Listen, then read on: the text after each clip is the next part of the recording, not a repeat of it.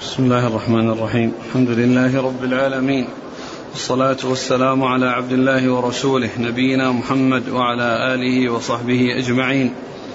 أما بعد فيقول الإمام الحافظ ابن ماجه القزويني رحمه الله تعالى يقول في سننه باب الحياض قال حدثنا أبو مصعب المديني قال حدثنا عبد الرحمن بن زيد بن أسلم عن أبيه عن عطاء بن يسار عن أبي سعيد الخدري رضي الله عنه أن النبي صلى الله عليه وسلم سئل عن الحياض التي بين مكة والمدينة. تردها السباع والكلاب والحمر وعن الطهارة منها فقال لها ما حملت في بطونها ولنا ما غبر طهور. بسم الله الرحمن الرحيم الحمد لله رب العالمين وصلى الله وسلم وبارك على عبده ورسوله نبينا محمد وعلى آله وأصحابه أجمعين. أما بعد فيقول الإمام ماجه باب الحياض والمراد من هذه الترجمة آه أن الأماكن التي يجتمع فيها الماء سواء كانت بفعل الإنسان أو ليست بفعله أنها إذا أن الماء إذا كان كثيرا فإنه لا تؤثر فيه النجاسات إلا إذا غيرت له طعما أو ريحا أو لونا وإذا لم يحصل تغير بأحد هذه الأوصاف بسبب كثرته فإنه باق على طهوريته ولا مانع من استعماله وإنما المحذور فيما إذا كان قليلا وردت عليه النجاسة فإنها تؤثر فيه كما سبق أن مر في حديث القلتين إذا بلغ الماء قلتين إذا بلغ الماء قلتين لم يحمل الخبث أو لا تؤثر أو لا تضره النجاسة فإنها فإنها فإنها تؤثر فيه النجاسة إذا إذا إذا كان دون القلتين. وإذا كان فوقهما فإنها لا تؤثر إلا إذا غيرت له لونا أو طعما أو ريحا. وقد أورد ابن ماجه عدة أحاديث أولها حديث أبي سعيد أن النبي صلى الله عليه وسلم سئل عن الحياض التي تكون بين مكة والمدينة والتي آه، تلدها السباع والكلاب والحمير فهل يتطهرون منها؟ فقال عليه الصلاة والسلام لها ما أخذت ولنا ما غبر. طهور يعني ما غبر يعني ما بقي يعني ما بقي بعد أن شربت منه فإنه طهور لنا لأن الماء الكثير فإنه باق على طهوريته ولو وقعت فيه النجاسة إلا إذا تغير بالنجاسة لونا أو طعما ريحا بأن كان طعم النجاسة موجود أو لونها موجود أو رائحتها موجودة فعند ذلك لا يجوز استعماله ولو كان كثيرا.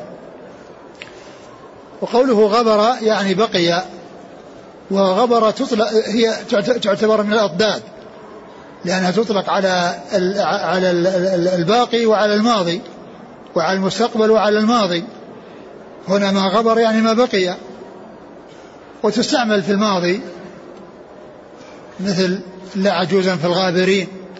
يعني الهالكين والماضين اللي هي امرأة لوط فإنها ممن لم ينجو من أهله. وكذلك اسم كتاب الذهبي العبر في خبر من غبر. العبر في خبر من غبر فإن المقصود به من مضى. فإن كلمة غبر تأتي تعتبر من الأضداد تأتي للشيء الماضي وللشيء الباقي. نعم. قال حدثنا أبو مصعب المديني. هو أحمد بن أبي بكر وهو؟ صدوق رجل أصحاب الكتب. نعم. عن عبد الرحمن بن زيد بن أسلم. وهو ضعيف أخرج له الترمذي وابن ماجه. نعم. عن أبيه زيد بن أسلم ثقة أخرج أصحاب الكتب. عن عطاء بن يسار. ثقة أخرج أصحاب الكتب. عن أبي سعيد الخدري. عن أبي سعيد الخدري سعد بن مالك بن سنان رضي الله عنه أخرج له وهو أحد السبع المكثرين من حديث الرسول صلى الله عليه وسلم. والحديث ضعيف. من حيث الإسناد ولكنه يعني من حيث المتن يعني آه، صحيح من جهة أنه إذا كان كثيرا يعني فإنها لا تؤثر فيه النجاسة لقوله صلى الله عليه وسلم الماء طهور لا ينجسه شيء ولكن انعقد الإجماع على أن الماء الكثير إذا غيرت له النجاسة لونا أو طعما أو ريحا فإنه يكون نجسا ولا يستعمل. قال حدثنا أحمد بن سنان قال حدثنا يزيد بن هارون قال حدثنا شريك عن طريف بن شهاب. قال سمعت أبا نضرة يحدث عن جابر بن عبد الله رضي الله عنهما أنه قال انتهينا إلى غدير فإذا فيه جيفة حمار. قال فكففنا عنه حتى انتهى إلينا رسول الله صلى الله عليه وسلم. فقال إن الماء لا ينجسه شيء فاستقينا وأروينا وحملنا. ثم ذكر هذا الحديث عن جابر بن عبد الله رضي الله عنهما أن أن أنهم انتهوا إلى غدير فيه جيفة حمار فكففوا عن كفوا عنه يعني من أجل هذه الجيفة. فالنبي صلى الله عليه وسلم قال الماء طهور لا يغيره شيء لا ينجسه شيء. فقال فأخذنا ويعني أخذوا معهم من هذا الماء واستعملوه وتطهروا به. وهذا كما كما علمنا الماء طهور لا ينجسه شيء ثابت من طرق صحيحة. غير هذا الحديث الذي فيه ضعف.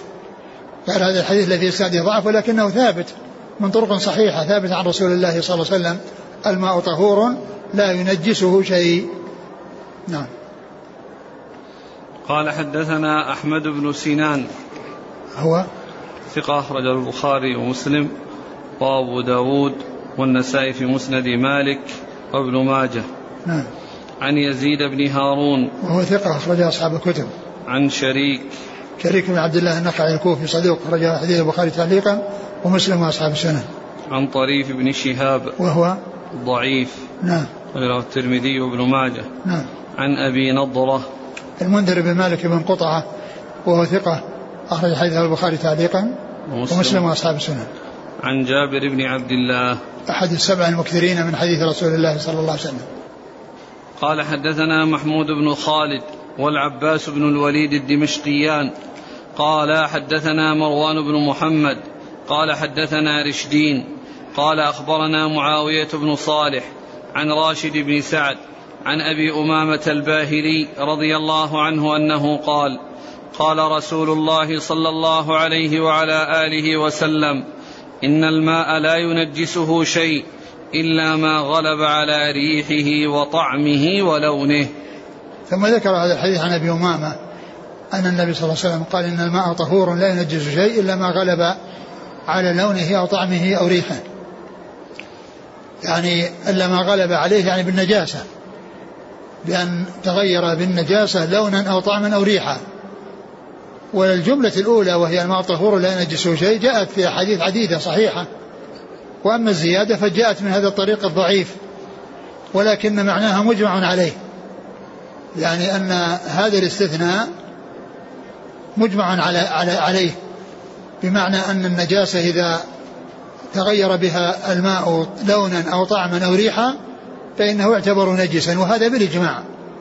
والحديث وهذه الزيادة في إسنادها رشدين بن سعد و وفي فيه ضعف ولكن معناها مجمع عليه. بمعنى أن الماء سواء كان كثيرا أو قليلا إذا غيرته النجاسة لونا أو طعما أو ريحا أي لون النجاسة أو طعمها أو ريحها فإنه يكون متنجسا بذلك ولا يجوز استعماله. والحاصل أن الماء الماء له أحوال ثلاثة. إذا سواء كان كثيرا أو قليلا إذا تغير لونه وطعمه أو ريحه بالنجاسة فإنه يكون نجسا ولا يستعمل.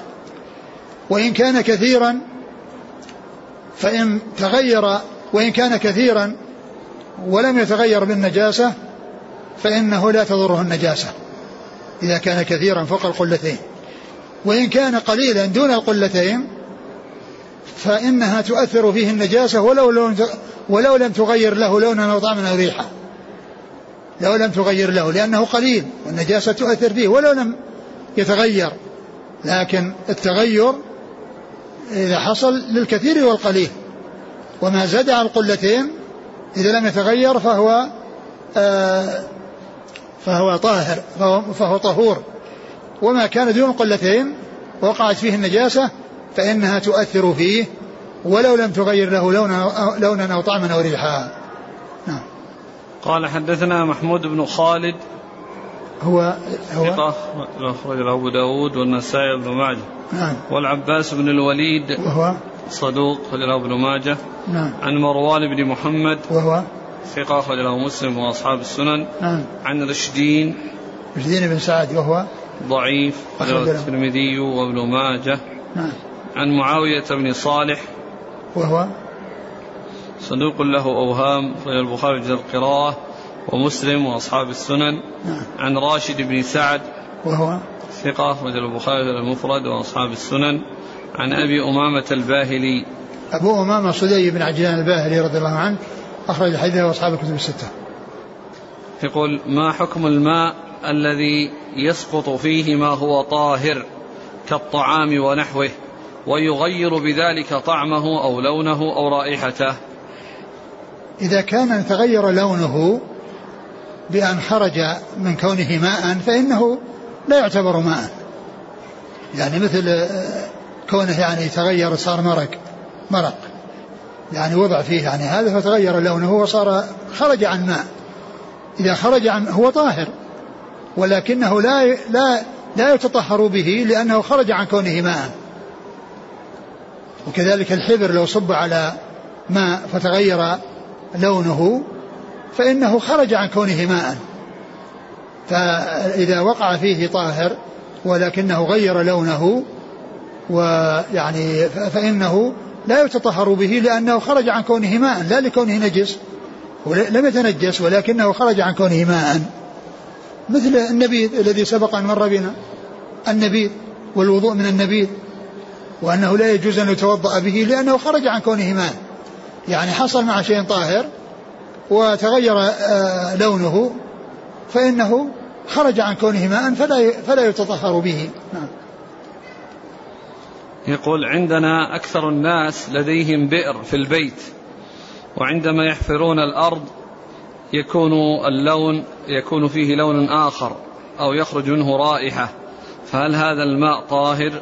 نعم ما دام أنه ما بنجاسة هذه الرائحة وهذا التغيير ليس بنجاسة فإنه طاهر ما دام أنه ماء. نعم. كيف الجمع بين حديث القلتين وقوله الماء طهور لا ينجسه شيء؟ هذا مستثنى. حديث القلتين مستثنى من حديث الماء طهور لا ينجسه شيء. يعني مستثنى منه ما دون القلتين. لأنه قال لا, لا, لا تؤثر فيه النجاسة فدل ذلك على أن ما دون القلتين تؤثر فيه النجاسة وإن لم تغير له لونا وطعما وريحا فيكون حديث الماء طهور لا ينجس شيء مخصص أو مستثنى منه ما دون القلتين. فإنه إذا وقع فيه النجاسة فإنها تؤثر فيه وإن لم تغير له لونا وطعما أو ريحا. الاستدلال بحديث القلتين على أن ما دونهما ينجس سواء تغير أو لم يتغير من الاستدلال بالمفهوم. فهل يقدم عليه المنطوق حديث أبي سعيد؟ آه، هو كما هو معلوم قوله لم لم يعني التنصيص على قوله لم تؤثر فيه النجاسة. يعني هذا هذا هذا هذا القيد يدل على أن ما دون تؤثر به النجاسة. فإذا هذا خاص وذاك عام. ويقدم الخاص على العام أو يخرج الخاص من العام. ويبقى العام على عمومه في غير الخاص الذي أخرج منه بدليل الخصوص. قال رحمه الله تعالى باب ما جاء في بول الصبي الذي لم يطعم. قال حدثنا أبو بكر بن أبي شيبة قال حدثنا أبو الأحوص عن سماك بن حرب عن قابوس بن أبي المخارق عن لبابة بنت الحارث رضي الله عنها أنها قالت بال الحسين بن علي رضي الله عنهما في حجر النبي صلى الله عليه وسلم. فقلت يا رسول الله أعطني ثوبك والبس ثوبا غيره. فقال إنما ينضح من بول الذكر ويغسل من بول الأنثى. ثم ذكر آه، باب باب بول الصبي. بول الصبي الذي لم يطعم. بول الصبي الذي لم يطعم يعني كيف يعني يطهر أو كيف يتطهر منه أو كيف أو كيف يعني تزول يعني أو تزال تلك النجاسة من بول ذلك الصبي. جاءت الأحاديث عن رسول الله صلى الله عليه وسلم بالتفريق بين بول الجارية والغلام. وأن بول الجارية يغسل وبول الغلام ينضح. يعني معناه أنه يكفي فيه النضح والغسل الخفيف. بخلاف بول الجارية فإنه يغسل كما تغسل النجاسات. فدل فدلت الأحاديث التي منها هذا الحديث حديث لبابة. إيش؟ نعم لبابة بنت الحارث. لبابة بنت الحارث. آآ آآ لبابة بنت الحارث الهلالية. أن أن, أن, أن, أن أنه يفرق بين بول الصبي وبول الجارية فالصبي يكفي فيه النضح ويكفي فيه الغسل الغسل الخفيف والجارية لا بد من الغسل كما تغسل سائر النجاسات. فجاءت وهذا من الأحكام التي فرق فيها بين النساء والرجال. والأصل هو التساوي. الأصل هو التساوي بين الرجال والنساء في الأحكام. لا يفرق في حكم بين رجل وامرأة إلا إذا جاء دليل يفرق بأن يقول الرجال كذا والنساء كذا مثل هذا الحديث ومثل الدية مثل الأمور الخمسة التي المرأة فيها عن نصف من الرجل وهي الدية والميراث والعقيقة والعتق والشهادة والشهادة. فهذه يفرق فيه بين النساء والرجال لأنها جاءت النصوص في ذلك. وهناك أمور أخرى أيضا جاءت في آه، آه، التفريق بين النساء والرجال مثل المرأة تسبح الرجل يسبح والمرأة تصفق يعني في الصلاة يعني ولا تتكلم في الصلاة يعني جاءت نصوص. فإذا الأصل هو التساوي بين الرجال والنساء في الأحكام إلا إذا جاء نص يميز النساء عن الرجال أو أو الرجال عن النساء. وهذا من النصوص التي فيها تمييز بين الرجال والنساء. ولعل السبب في ذلك يعني تخفيف النجاسة أو تخفيف يعني إزالة النجاسة لأن الصبيان في الغالب يكونون مع آبائهم ويذهبون بهم ويحملونهم ويعني فيحصل منهم بسبب ذلك وقوع البول على ثيابهم. فجاءت السنة بتخفيف يعني إزالة هذه النجاسة لكثرة وجود الأطفال أو الأبناء مع آبائهم. وهذا بخلاف النساء فإنهن دونهن في ذلك. فإذا النبي صلى الله عليه وسلم بين أنه ينضح من بول الغلام ويغسل من بول الجارية وحديث لبابة هذا فيه أن الحسين بال في حجر النبي صلى الله عليه وسلم فطلبت منه آه، آه، آه، المرأة أن أن تعطيها أن يعطيها ثوبه لتغسله ويلبس ثوبا آخر فقال يكفيه أنه ينضح أو يرش. نعم. المراد بالنضح مثل النضح الذي مر معنا في المذي. لا ليس مثله. لأن ذاك يعني هو غسل لأن الذكر يعني يغسل ما يكفي أنه يرش عليه الماء. وأما هذا يعني إذا رش عليه الماء وصب عليه الماء فإنه يكفي وإن لم يغسل. قال حدثنا أبو بكر بن أبي شيبة ثقة أخرج أصحاب الكتب إلا الترمذي. عن أبي الأحوص. سلام بن سليم الحنفي ثقة أخرج أصحاب الكتب. عن سماك بن حرب. صدوق أخرجه البخاري تعليقا عن مسلم وأصحاب السنة. عن قابوس. طاووس بن كيسان ثقة أخرج أصحاب الكتب. قابوس بن أبي المخارق. قابوس قا قا قابوس. قابوس نعم. قابوس هو لا بأس به. نعم. أخرج له أبو داود والنسائي وابن ماجه. نعم. عن لبابة بنت الحارث. أخرج لها أصحاب الكتب. نعم. نعم. لبابة بنت الحارث الهلالية أخت ميمونة بنت الحارث الإلهية وهي الهلالية. وذلك آه، آه، آه، يعني أن هاتين أختان يعني لبابة هم أولاد العباس أم أولاد العباس وميمونة هم المؤمنين رضي الله عنها وهذا الحديث عن لبابة. نعم. قال حدثنا أبو بكر بن أبي شيبة وعلي بن محمد قال حدثنا وكيع قال حدثنا هشام بن عروة عن أبيه عن عائشة رضي الله عنها أنها قالت أتي النبي صلى الله عليه وسلم بصبي فبال عليه فأتبعه الماء ولم يغسله. ثم أورد هذا الحديث عن عائشة أن أن أن النبي أتي بصبي فبال عليه فأتبعه الماء ولم يغسله. يعني رشه ولم يغسله. بمعنى أنه يعني يفركه ويدلكه ويصب عليه الماء حتى يعني يحصل طهارته مثل ما يحصل لتطهيره من النجاسات الأخرى فإن يعني ال يعني أن, أن, أن إزالة تلك النجاسة فيها تخفيف وذلك بالرش والنضح نعم. قال حدثنا أبو بكر بن أبي شيبة وعلي بن محمد علي محمد هو الطنافسي ثقة أخرج حديثه النسائي في مسجد علي وابن ماجه. عن وكيع ابن الجراح الرؤاسي ثقة أخرج أصحاب الكتب. عن هشام بن عروة ثقة أخرج أصحاب الكتب. عن أبيه وهو ثقة أخرج أصحاب الكتب. عن عائشة رضي الله عنها نعم. قال حدثنا أبو بكر بن أبي شيبة ومحمد بن الصباح قال حدثنا سفيان بن عيينة عن الزهري عن عبيد الله بن عبد الله عن أم قيس عن أم قيس بنت محصن رضي الله عنها أنها قالت دخلت بابن لي على رسول الله صلى الله عليه وسلم لم يأكل الطعام فبال عليه فدعا بماء فرش عليه. ثم ذكر حديث آه، حديث آه، أم قيس أم قيس بنت محصن أخت عكاشة بن محصن الأسدية رضي الله عنها أنها دخلت بابن لها على رسول الله صلى الله عليه وسلم فبال عليه فرش عليه الماء.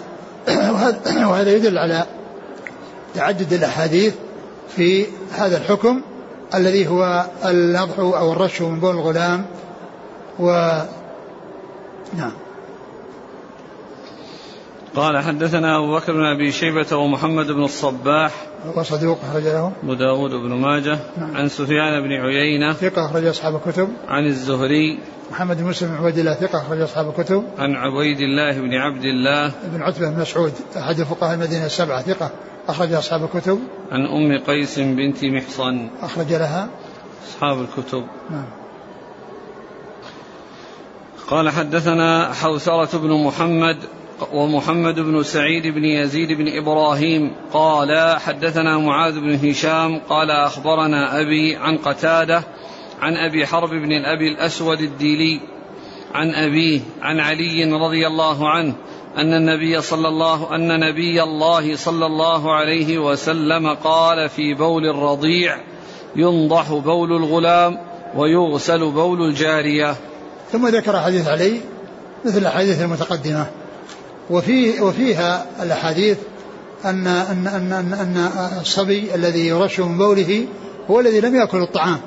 يعني ما دام يتغذى باللبن ولم يتغذى بالطعام فإذا تغذى بالطعام فإن حكمه حكم غيره ممن آه، تغسل يعني يغسل بوله غسلا ولا ينضح نضحا وإنما بكونه رضيع يعني من يرضع وغذاؤه بالرضاع وكونه لم يأكل الطعام هذا هو الذي يكون فيه التخفيف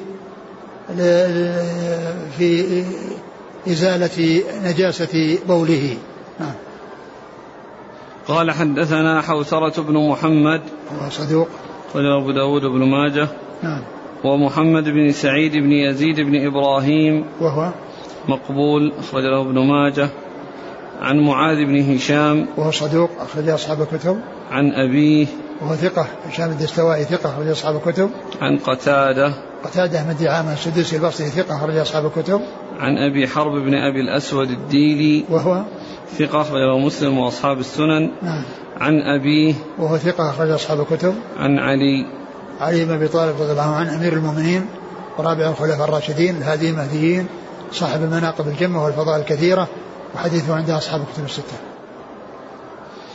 قال أبو الحسن بن سلمة حدثنا أحمد بن موسى بن معقل قال حدثنا أبو اليمان المصري قال سألت الشافعي عن حديث النبي صلى الله عليه وسلم يرش من بول الغلام ويغسل من بول الجارية. والماءان جميعا واحد. قال لأن بول الغلام من الماء والطين وبول الجارية من اللحم والدم. ثم قال لي فهمت؟ أو قال لقنت؟ قال قلت لا. قال إن الله تعالى لما خلق آدم خلقت حواء من ضلعه القصير.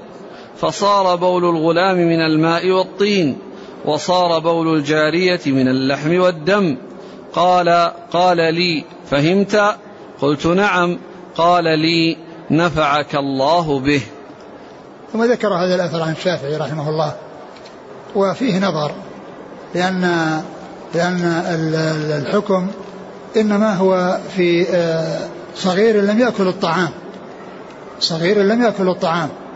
فصار حكمه أنه آه، يعامل هذه المعاملة وذلك كما ذكر بعض أهل العلم لكثرة آه، يعني وجود الأطفال والأبناء الصغار مع آبائهم ومع أمهاتهم فخفف ذلك. وكونه من الماء والطين وهذا من اللحم والعظم يعني هذا آه، كما هو معلوم آه، آه، يستوي فيه كون يأكل الطعام وما يأكل الطعام. لكن المسألة خفف فيها ما دام أنه لم يأكل الطعام فإذا لكثرة وجود الأطفال مع آبائهم. فهذا التعليل أو هذا التوجيه يعني فيه نظر. قال أبو الحسن بن سلمة حدثنا أحمد بن موسى بن معقل. هو؟ صدوق. ورمز له ابن ماجه. نعم. وعتبوا عليه. وإيش؟ يعني قالوا إن هذا من زيادات ابن الحسن فكيف يرمز له بابن ماجه؟ وليس من شيوخ ابن ماجه. نعم إذا كان إذا كان إذا كان يعني ما جاء إلا في هذا الإسناد فكذلك لكن إن كان جاء في إسناد آخر إن كان جاء في إسناد آخر فيعني آه، فيكون الرمز له وجه. نعم. يعني من, من الذي ذكر أنه ما من ذكر هذا؟ المزي قال يقول حافظ بن حجر أحمد بن موسى بن معقل المصري المقرئ صدوق لم يذكره المزي من الثانية عشرة قال الحافظ وهو في الطهارة لابن ماجه إيه؟ بعض المعلقين على هذا قالوا أصاب المزي لأنه هو لم يخرج له ابن ماجه وإنما ذكره ابن القطان في الطهارة فإغفال المزي له مصيب لأنه ليس نعم, نعم إذا كان ما, ما يوجد. لا يوجد إلا لا يوجد إلا في هذا الإسناد. نعم. نعم. يعني ليس من رجال ابن ماجه. إن كان لا يوجد إلا في هذا الإسناد. فإنه لا يكون من رجال ابن ماجه.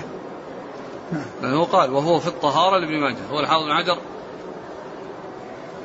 نعم بس هو هو يعني فيما مضى يعني ما نعرفه. ما هذا وفي المستقبل ما ندري. نعم. عن أبي اليمان المصري. وهو؟ قال الحافظ الصواب أبو لقمان. نعم. واسمه محمد بن عبد الله بن خالد الخراساني. حكم عليه في الكنى بأنه مستور. وأما في الأسماء فقال بأنه مقبول. الرمز قاف.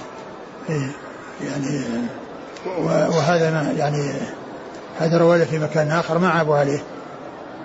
لا. إيه هذا لم ينص على موضع المكان حتى إيه على كل على كل يعني هذا يعني كون هذا الرجل يعني مستور أو مقبول يعني يوهن ثبوت الأثر عن الشافعي. يوهن ثبوت الأثر عن الشافعي رحمه الله. قال سألت الشافعي الشافعي هو محمد بن إدريس وهو أحد أصحاب المذاهب الأربعة المشهورة من مذاهب السنة وحديث أخرجه البخاري تعليقا وأصحاب السنن قال حدثنا عمرو بن علي ومجاهد بن موسى والعباس بن عبد العظيم. قالوا حدثنا عبد الرحمن بن مهدي. قال حدثنا يحيى بن الوليد. قال أخبرنا محل بن خليفة. قال أخبرنا أبو السمح رضي الله عنه أنه قال كنت خادم النبي صلى الله عليه وسلم فجيء بالحسن أو الحسين رضي الله عنهما فبال على صدره فأرادوا أن يغسلوه فقال رسول الله صلى الله عليه وسلم رشة فإنه يغسل من بول الجارية ويرش من بول الغلام. ثم ذكر حديث ابن السامح رضي الله عنه هو بمعنى ما تقدم من الأحاديث. نعم. هل يفيد أن أن أن الرش يكون ليس خاص بالثياب؟ أينما وقع البول؟ لا بس كلمة على صدره ما يدرى هو على ثوب ولا على جسمه. لأنه يعني آه، قد يكون البول يعني حصل على الصدر والصدر قد يكون مستور وغير مستور. قال حدثنا عمرو بن علي. عمرو بن علي الفلاس وهو ثقة أخرج أصحاب الكتب بل هو شيخ لأصحاب الكتب. نعم. ومجاهد بن موسى. والخوارزمي وهو؟ ثقة أخرج له مسلم وأصحاب السنن. نعم. والعباس بن عبد العظيم. هو ثقة أخرج حديث البخاري تعليقا ومسلم وأصحاب السنن. عن عبد الرحمن بن مهدي. ثقة أخرج أصحاب الكتب. عن يحيى بن الوليد. وهو؟ لا بأس به أبو داود والنسائي بن ماجه. نعم. عن محل بن خليفة. وهو؟ ثقة أخرج البخاري وأبو داود والنسائي بن ماجه. نعم. عن أبي السمح. أخرج له. أبو داود والنسائي بن ماجه. نعم. إذا يفرق في بوله بين الثياب وغيرها؟ والله يعني يبدو أقول يبدو أنه يعني ما في فرق لكن بس اللفظ هذا ما يشعر بأن بأنه يعني على الجسد. قال حدثنا محمد بن بشار قال حدثنا أبو بكر الحنفي قال حدثنا أسامة بن زيد عن عمرو بن شعيب عن أم كرز رضي الله عنها أن رسول الله صلى الله عليه وسلم قال بول الغلام ينضح وبول الجارية يغسل. ثم ذكر حديث أم كرز وهو مثل غيرهم ما تقدم. قال حدثنا محمد بن بشار. هو الملقب من دار ثقة أخرج أصحاب الكتب. عن أبي بكر الحنفي. وهو عبد الكبير عبد الكبير. بن عبد المجيد. نعم وهو ثقة أخرج له. أصحاب الكتب. نعم. عن أسامة بن زيد. هو الليثي وهو. صدوق يهم. البخاري تعليقا ومسلم وأصحاب السنن. نعم. عن عمرو بن شعيب. وهو صدوق أخرجه البخاري في جزء القراءة وأصحاب السنن. عن أم كرز. رضي الله عنها أخرج لها. أصحاب السنن. نعم. هل يفرق بين الحليب الطبيعي والاصطناعي؟ والله يبدو أنه لا فرق بينهما ما دام أنه يعني رضاعه إنما هو بالحليب ولم يستعمل الطعام فإنه لا فرق بين هذا وهذا. كله يقال له رضيع وكله يقال له باللبن وكله يقال لم, لم يأكل الطعام. وعمرو بن شعيب يعني رواية عن أم كرز يعني هي صحابية و يعني جده يعني جده الذي هو محمد بن عبد الله تابعي وأيضا يعني أبوه يعني آه، هو يروي عن أبيه اللي هو شعيب. ففيه انقطاع بينه وبين ام كرز لكن الحديث يعني كما هو معلوم صحيح ثابت. نعم. هذا يقول إذا بال علي الصبي أو الجارية فلا أرتاح إلا باستبدال الثياب. هل هذا مخالف للسنة؟ نعم. مخالف للسنة وإنما عليه أن يأخذ ما جاءت به السنة. ورسول الله صلى الله عليه وسلم هو خير البشر اكتفى بهذا. يقول آه، لم يتبين لي الفرق بين الغسل الخفيف وحيث فسرتم النضح بالغسل الخفيف وما سبق أو ما قلتم بأنه يرش. يعني هناك فيما يتعلق بال نضح الذكر يعني جاء أنه يغسله تفسير يعني في بعض الرواة يغسله. ومعلوم أنه لا يكفي فيه الرش لأن المذي يعني نجاسة خرجت من من الذكر وعلقت به فالرش لا يزيل النجاسة وإنما يغسل غسلا خفيفا. وأما بالنسبة لل يعني بول الغلام فقد جاءت الأحاديث أنه رشه ولم يغسله يعني أو نضحه ولم يغسله يعني نفى الغسل عنه وأثبت له النضح فقط.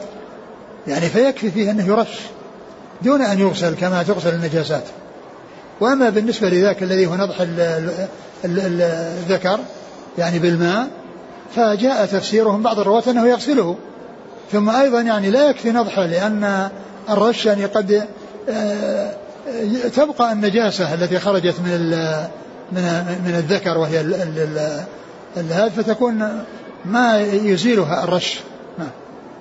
ولهذا جاء تفسيرهم بعض الرواة بأنه الغسل يعني الغسل خفيف. يقول كذلك يفرق بين قيء الجارية وقيء الصبي. لا ما يفرق. ولا يقال نجس لا هذا ولا هذا. نعم. قال رحمه الله تعالى باب الأرض يصيبها البول كيف تغسل؟ قال حدثنا أحمد بن عبدة قال أخبرنا حماد بن زيد قال حدثنا ثابت عن أنس رضي الله عنه أن أعرابيا بال في المسجد فوثب إليه بعض القوم فقال رسول الله صلى الله عليه وسلم لا تزرموه. ثم دعا بدلو من ماء فصب عليه. ثم ذكر باب النجاسة تصيب الأرض كيف تطهر. كيف تطهر؟ يعني هل يعني إزالة تلك النجاسة؟ يعني لا تكون بحفر التراب ونقل التراب واتيان بتراب آخر وإنما التراب يبقى ولكنه يصب عليه الماء ويكاثر حتى يطهر بذلك حتى يطهر بذلك. وهذا فيما إذا كان تراب. وأما إذا كان يعني على بلاط فإنه يصب عليه الماء ويمسح يصب عليه الماء ويمسح. يعني ويكفي. واما ذاك يعني ينزل فيه التراب يختلط به الماء والماء يقضي على النجاسة ويزيلها يعني بحيث جاء بعدها وسجلا يعني ذنوب يعني من ماء فيكون ذلك الماء غطى على تلك النجاسة وقضى عليها. فالرسول صلى الله عليه وسلم لما بال أعرابي في المسجد وثب عليه الصحابة يعني أفزعهم ذلك وأزعجهم لأن المساجد يعني كونها تكون فيها النجاسة يعني هذا شيء غريب. فالرسول صلى الله عليه وسلم قال لا تزرموه يعني لا تقطعوا عليه بوله خليه يكمل. فأكمل بوله والرسول صلى الله عليه وسلم دعا بذنوب من ماء فصب عليه فزالت النجاسة بهذا. فدل هذا على أن النجاسة التي تكون في الأرض أنها تطهر بذلك. وكذلك لو كانت في خلاء ونزل عليها المطر فإنها تطهر. تطهر بذلك بنزول المطر عليها. وإزالة النجاسة لا يشترط نية لا يشترط نية مثل الوضوء ورفع الحدث ما يحتاج إلى نية. لأن النجاسة لو كانت في الأرض ونزل المطر وطهرها هي طهرت. وإن لم ينوى تطهيرها وإن لم ينوى تطهيرها وإزالتها لأن المقصود هو إزالة النجاسة سواء حصلت بنية أو بدون نية فإذا لا يشترط النية لإزالة النجاسة. ثم هذا الحديث يدل على للقاعدة المشهورة وهي ارتكاب أخف الضررين في سبيل التخلص من أشدهما. يعني إذا وجد ضرران حصلا ولكن أحدهما أشد من الآخر فإنه يرتكب الأخف للتخلص من الأشد. وتوضيحه في هذه المسألة أن الرجل حصل منه ضرر وهو البول في المسجد. ولكن هناك ضرر أشد منه. يعني تجنب وترك. وهي أنه لو قطع عليه بوله وراح يجري فإنه يحصل ضرر أكبر. وذلك أن البول بدل ما يكون في مكان واحد سيكون في أماكن متعددة من المسجد ويحتاج إلى غسل تلك الأماكن. وكذلك ينجس جسده وثيابه لأنه يعني ما دام أن البول ما انقطع فهو يتطاير. فإذا الرسول صلى الله عليه وسلم لما حصل البول وجد نعم لو كان ما بدأ نعم قال لا لا لا, لا, لا يفعل ويمنع ويزجر. إذا يعني أما إذا وقع بالفعل فإن قطعه عليه يعني ينتقل فيه من ضرر أصغر إلى ضرر أكبر. يعني يترتب عليه كونه يعني يتطاير البول هنا وهناك فيكون في أماكن متعددة في المسجد ويكون على ثيابه ويكون على جسده. فالرسول صلى الله عليه وسلم لما وجد هذان الضرران آه، اقتصر على الضرر الأخف الذي يمكن التخلص منه بصب الماء عليه ولا يحصل ضرر أكبر من ذلك بحيث ينتشر النجاسة المسجد وتنتشر النجاسة على ثوب الإنسان وعلى وعلى وعلى بدنه فهو من من أوضح الأمثلة لهذه القاعدة التي هي ارتكاب خف الضررين في سبيل التخلص من أشدهما. نعم. قال حدثنا أحمد بن عبدة. هو ثقة حديث البخاري. مسلم وأصحاب السنة. مسلم وأصحاب السنة نعم. عن حماد بن زيد. وهو ثقة أخرج أصحاب الكتب. عن ثابت. ثابت بن أسلم البناني ثقة أخرج أصحاب الكتب. عن أنس. عن أنس رضي الله عنه. خادم رسول الله صلى الله عليه وسلم وهذا الإسناد من الرباعيات عند ابن ماجه نعم. قال حدثنا أبو بكر بن أبي شيبة قال حدثنا علي بن مسهر عن محمد بن عمرو عن أبي سلمة عن أبي هريرة رضي الله عنه أنه قال دخل أعرابي المسجد ورسول الله صلى الله عليه وسلم جالس فقال اللهم اغفر لي ولمحمد ولا تغفر لأحد معنا. فضحك رسول الله صلى الله عليه وعلى آله وسلم وقال لقد احتضرت واسعا ثم ولى حتى إذا كان في ناحية المسجد فشج يبول. فقال الأعرابي بعد أن فقه فقام إلي بأبي وأمي صلى الله عليه وسلم فلم يؤنب ولم يسب فقال إن هذا المسجد لا يبال فيه وإنما بني لذكر الله وللصلاة ثم أمر بسجل من ماء فأفرغ على بوله.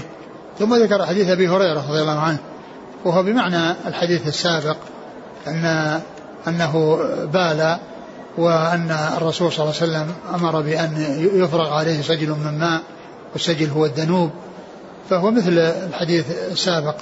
نعم.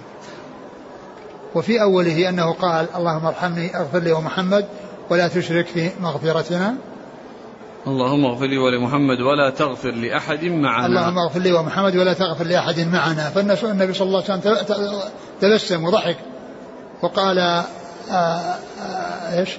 آه لقد احتضرت واسعة. لقد احتضرت واسعة. يعني الاحتضار هو المنع. لأن المنع. يعني وفي بعض الألفاظ تحجرت واسعا. تحجرت واسعا.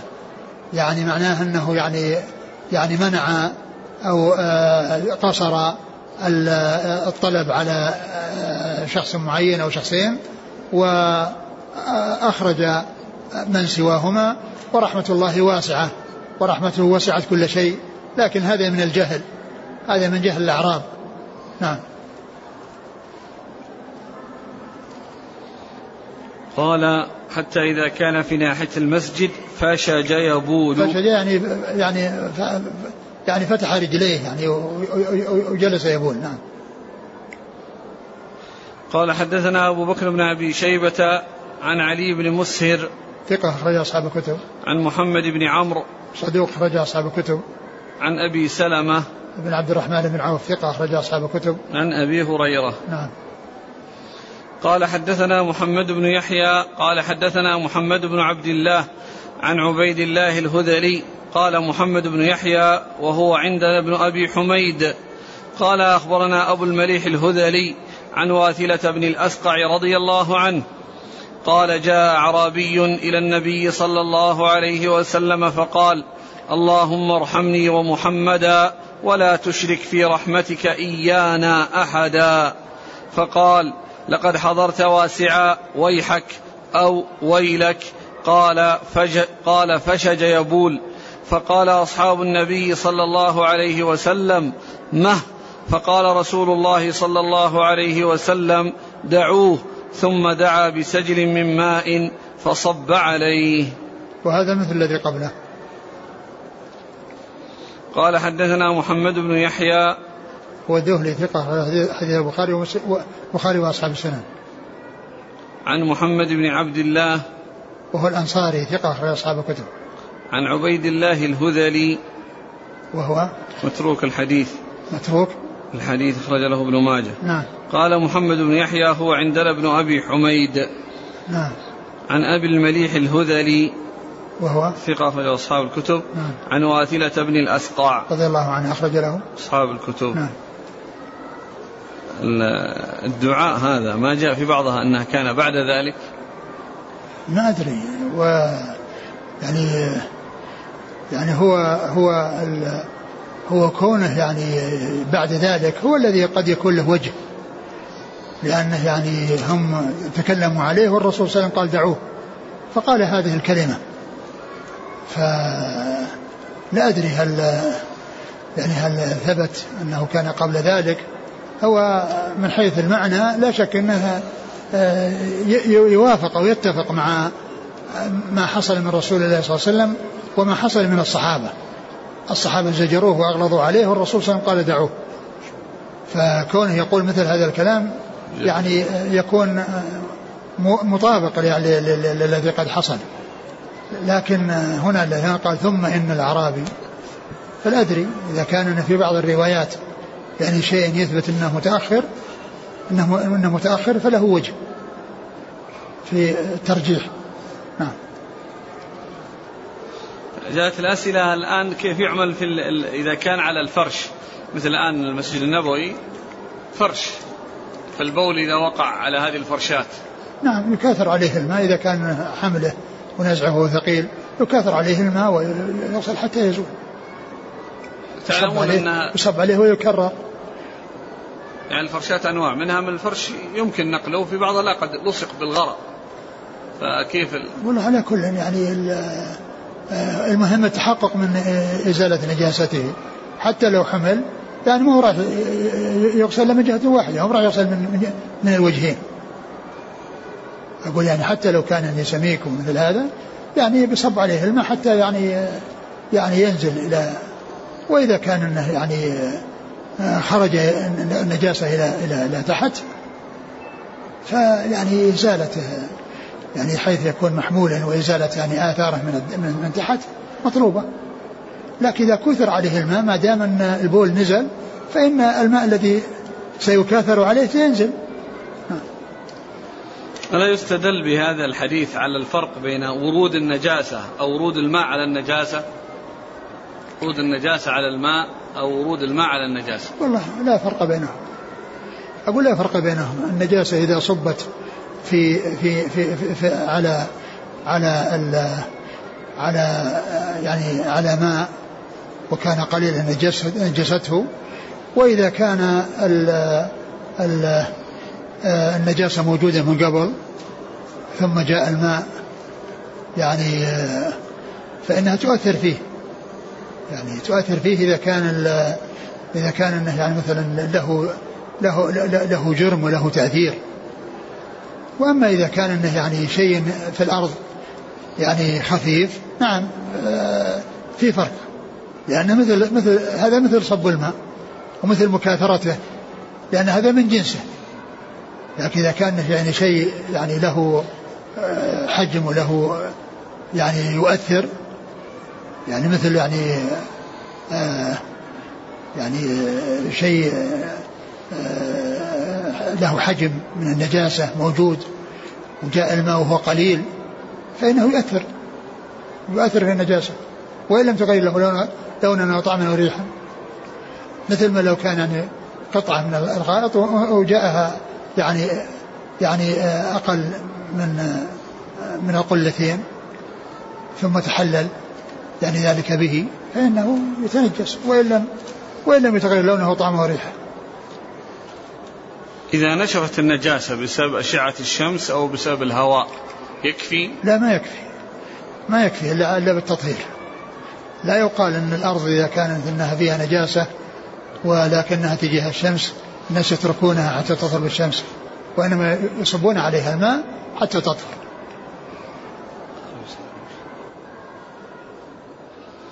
قال رحمه الله تعالى باب الأرض يطهر بعضها بعضا.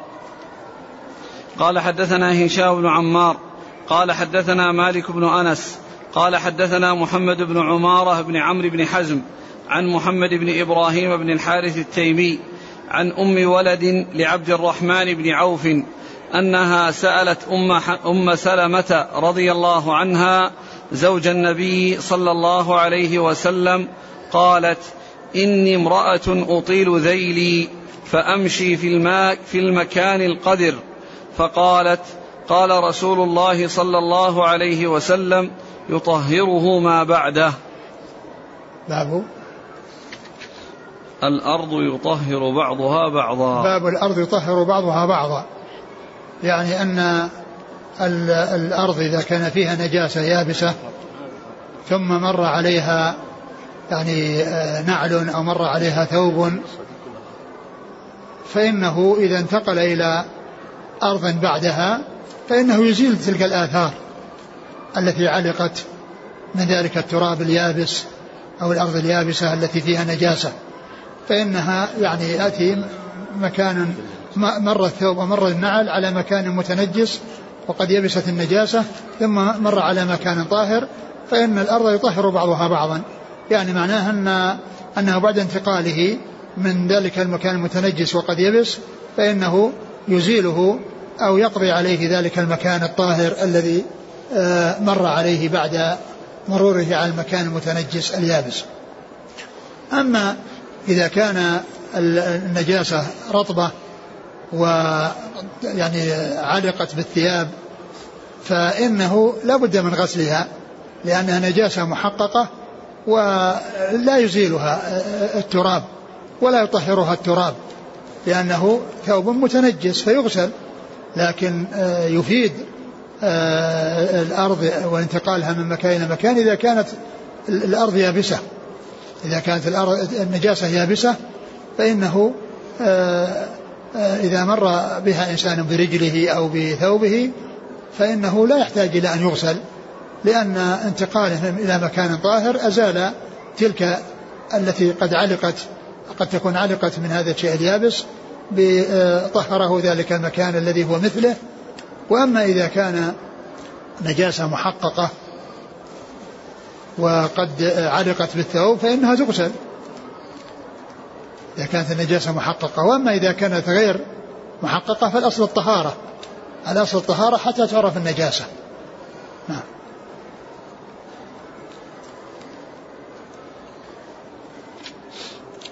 قالت إني امرأة أطيل ذيلي فأمشي نعم. في المكان القذر. نعم. قذارة هنا من النجاسة أو يعني الوساخة؟ يعني, يعني يبدو أن أنها النجاسة. أنها النجاسة لأن الوساخة يعني ما تؤثر شيء بالنسبة للطهارة. لأن الوساخة المجرد وسخ الذي هو ضد النظافة وهو طاهر أو شيء متوسخ بالطاهر هذا ما يؤثر. وإنما المقصود النجس.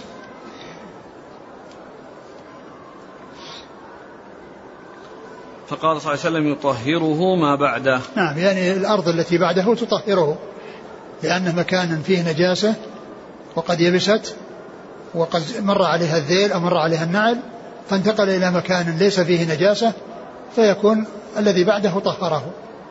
إن كان علق شيء فقد أذهبه ذلك الذي بعده. قال حدثنا هشام بن عمار. صدوق أخرج حديث البخاري وأصحاب السنة.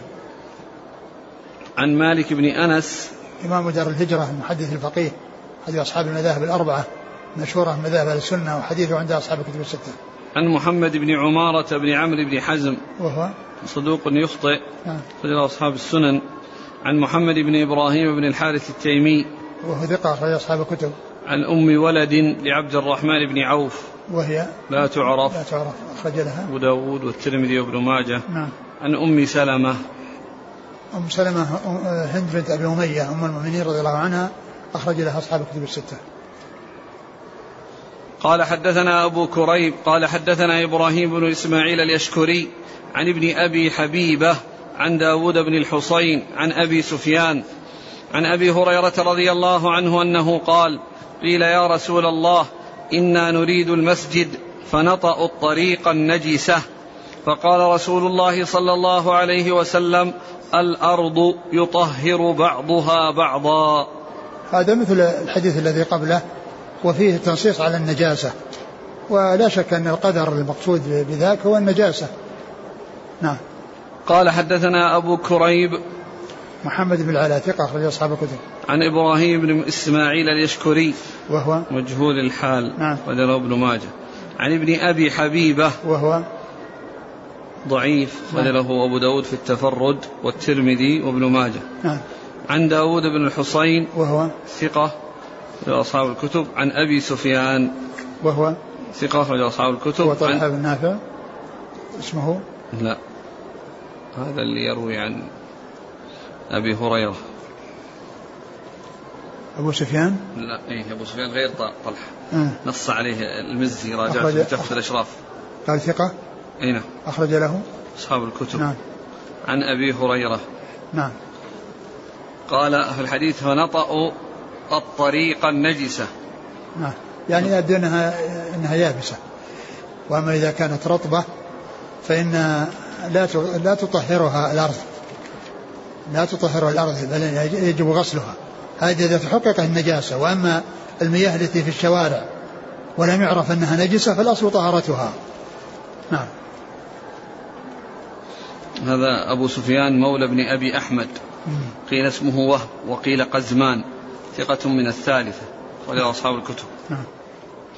قال حدثنا أبو بكر بن أبي شيبة قال حدثنا شريك عن عبد الله بن عيسى عن موسى بن عبد الله بن يزيد عن امرأة من بني عبد الأشهل رضي الله عنها أنها قالت سألت النبي صلى الله عليه وسلم فقلت إن بيني وبين المسجد طريقا قذرة. قال فبعدها طريق أنظف منها. قلت نعم. قال فهذه بهذه. وهذا مثل الذي قبله. نعم. قال حدثنا أبو بكر بن أبي شيبة عن شريك. نعم. عن عبد الله بن عيسى. وهو؟ ثقة أخرج أصحاب الكتب. نعم. عن موسى بن عبد الله بن يزيد. وهو؟ ثقة أخرجه مسلم وأبو داود والترمذي في الشمائل وابن ماجه. نعم. عن امرأة من بني عبد الأشهل. أخرج لها. أبو داود وابن ماجه. نعم يعني هذا الحكم مثل من جاء المسجد وأراد أن يصلي في نعليه فإن كان فيهما قدر مسحهما في الأرض وصلى فيهم نعم. يعني هذا يعني يعني إذا قدر يعني يعني يمسحهما ويصلي فيهما. يعني إذا كانت أنها ليست النجاسة رطبة. نعم. قال رحمه الله تعالى باب مصافحة الجنب. قال حدثنا أبو بكر بن أبي شيبة قال حدثنا إسماعيل بن علية عن حميد عن بكر بن عبد الله عن أبي رافع عن أبي هريرة رضي الله عنه أنه لقيه النبي صلى الله عليه وسلم في طريق من طرق المدينة وهو جنب فانسل ففقده النبي صلى الله عليه وسلم. فلما جاء قال أين كنت يا أبا هريرة؟ قال يا رسول الله لقي لقيتني وأنا جنب فكرهت أن أجالسك حتى أغتسل. فقال رسول الله صلى الله عليه وسلم المؤمن لا ينجس. ثم أورد هذه الترجمة باب مصافحة الجنب. يعني أن الجنب الإنسان الذي عليه جنابة يعني لمسه لا يؤثر.